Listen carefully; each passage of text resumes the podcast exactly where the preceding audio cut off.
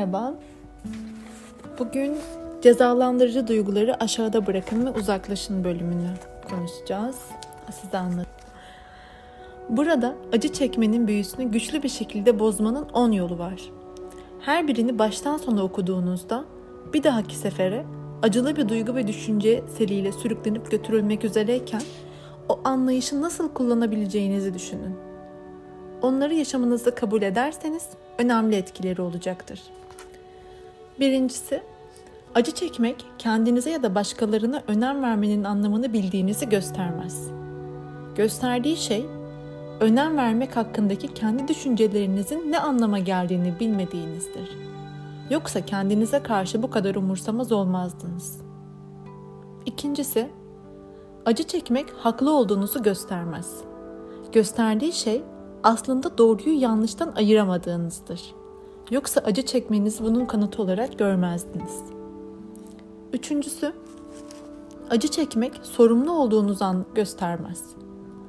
Gösterdiği şey kendinize karşı gerçek sorumluluğunuzu yerine getirmediğinizdir. Yoksa kendinize bu kadar kötü davranmazdınız.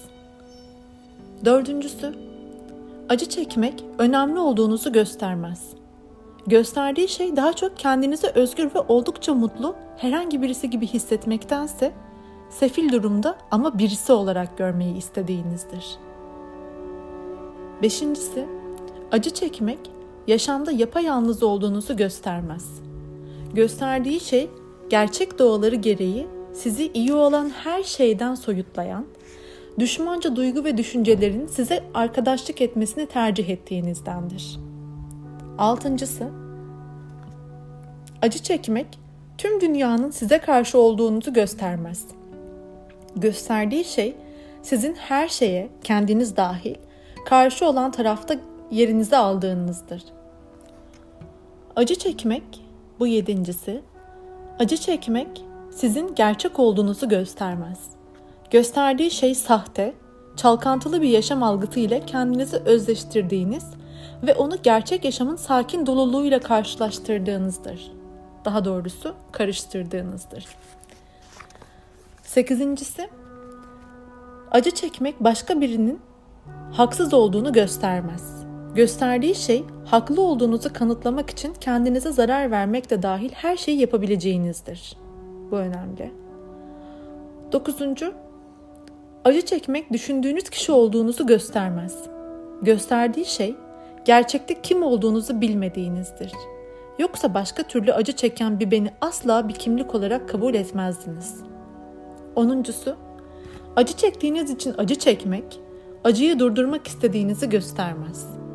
Gösterdiği şey acıyı sona erdirmekten korktuğunuzdur. Çünkü acının sona ermesinin sizin de sorununuz anlamına geldiğini düşünüyorsunuz. Ama öyle değil. Yani edinilen her bir yüksek içgörü ilk kez varlığını fark ettiğimizde benzersiz bir meydan okumadır. Aynı daha önce bilinmeyen veya ulaşılmazmış gibi görünen bir zirveye ilk çıkan özverili bir dağcı gibi ilerlemeye devam etmeliyiz. Dağcı en başta zirvenin görkeminin çekimine kapılır ve yüce gizemlerinin vaadiyle heyecan duyar. Ancak tırmanışına başlamakta kararsızdır. Çünkü zor olacağını bilmektedir. Ancak tırmanmaya olan aşkı düşme korkusuna ağır basar ve güçlüklerle ilgili son düşünceleri de kafasından uzaklaştırır. Yeni yüksekliklere ulaşmak için tüm yapması gereken yamacı incelemek ve ardından tırmanmaya başlamak olduğunu anlar. Yükseklere gitmesini istemeyen ağır, cesaret kredi duyguların onu kandırmasına asla izin vermez. Ayrıca şu gerçeği de bilir. Üstünde uzanan dünyaya her seferinde bir adım atarak tırmanılır. İçsel yükseliş için de aynı şey doğrudur. Önce gerçekleri öğrenir, yüksek düşünceleri inceler ve ardından tırmanmaya başlarız. Gerçek olan her şey ulaşılabilirdir. Acı çekmenize asla gerek olmadığı doğrudur.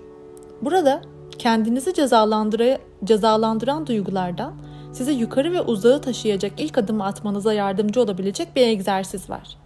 Egzersizin adı şu. Gerçekten istediğim bu mu? Mutluluğunuzdan ödün vermenizi gerektiren hiçbir içsel koşulu kabul etmek zorunda değilsiniz. Devam etmeden önce bir sonraki cümleyi birkaç kez okuyun. Böyle hissetmenizin ne kadar doğru olduğunu düşünseniz de kendinizi haksız hissetmek hiçbir zaman doğru değildir. Bir şekilde hissedip başka bir şekilde düşünmek çatışma içinde yaşamak anlamına gelir. İç çatışma ise gerçekten olan tek acıdır. O yüzden içsel birlik kendini acı çektirmenin büyüsünü bozabilecek tek gerçek çözümdür. Nasıl işe yaradığını şöyle anlatabiliriz. Mesela bir dahaki sefer kendinizi herhangi bir şey hakkında kötü hissetmeye başlarken yakaladığınızda o anda yaptığınız ne varsa bırakın ve olabildiğince dürüst olarak ve basitçe kendinize şunu sorun. Gerçekten istediğim bu mu?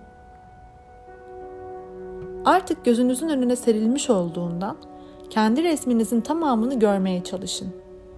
Düşüncelerinizin, onların gösterdiği endişe ya da intikam veya korku yönünde ilerlemek zorunda olduğunuza ikna edildiğini, ancak kendini kötü hisseden tek kişinin de siz olduğunuzu keşfedeceksiniz. Bu kendine ihanet eden düşünceler sizi dışarıda heyecan dolu bir gece geçirmek için dövüş seyretmeye davet eden bir dost gibidir. Ardından kendinizi esas etkinlik olarak ringde bulursunuz. Tekrarlıyorum. Mutluluğunuzdan ödün vermenizi gerektirecek hiçbir koşulu kabul etmek zorunda değilsiniz. Tüm çelişkili duygu ve düşünceleri içinizden istediğim sen değilsin diyebilirsiniz ve demelisiniz. Gözünüze resmin tamamı ne kadar net görünürse acı çekmenin aptalca olduğu ve asla gerekçe gösterilmemesi gerektiği o kadar güçlü bir şekilde içsel birliğini birliğinizi ilan edeceksiniz. Yaşamın tam olabilmesi için mutlu olmak gerekir. Gerçekten istediğinizi seçerek mutlu bir yaşama sahip olmayı seçin. Bu bölümlük bölümümüz bu kadardı. Beni dinlediğiniz için teşekkür ederim. Ben Tuğba. Kendinize çok iyi bakın.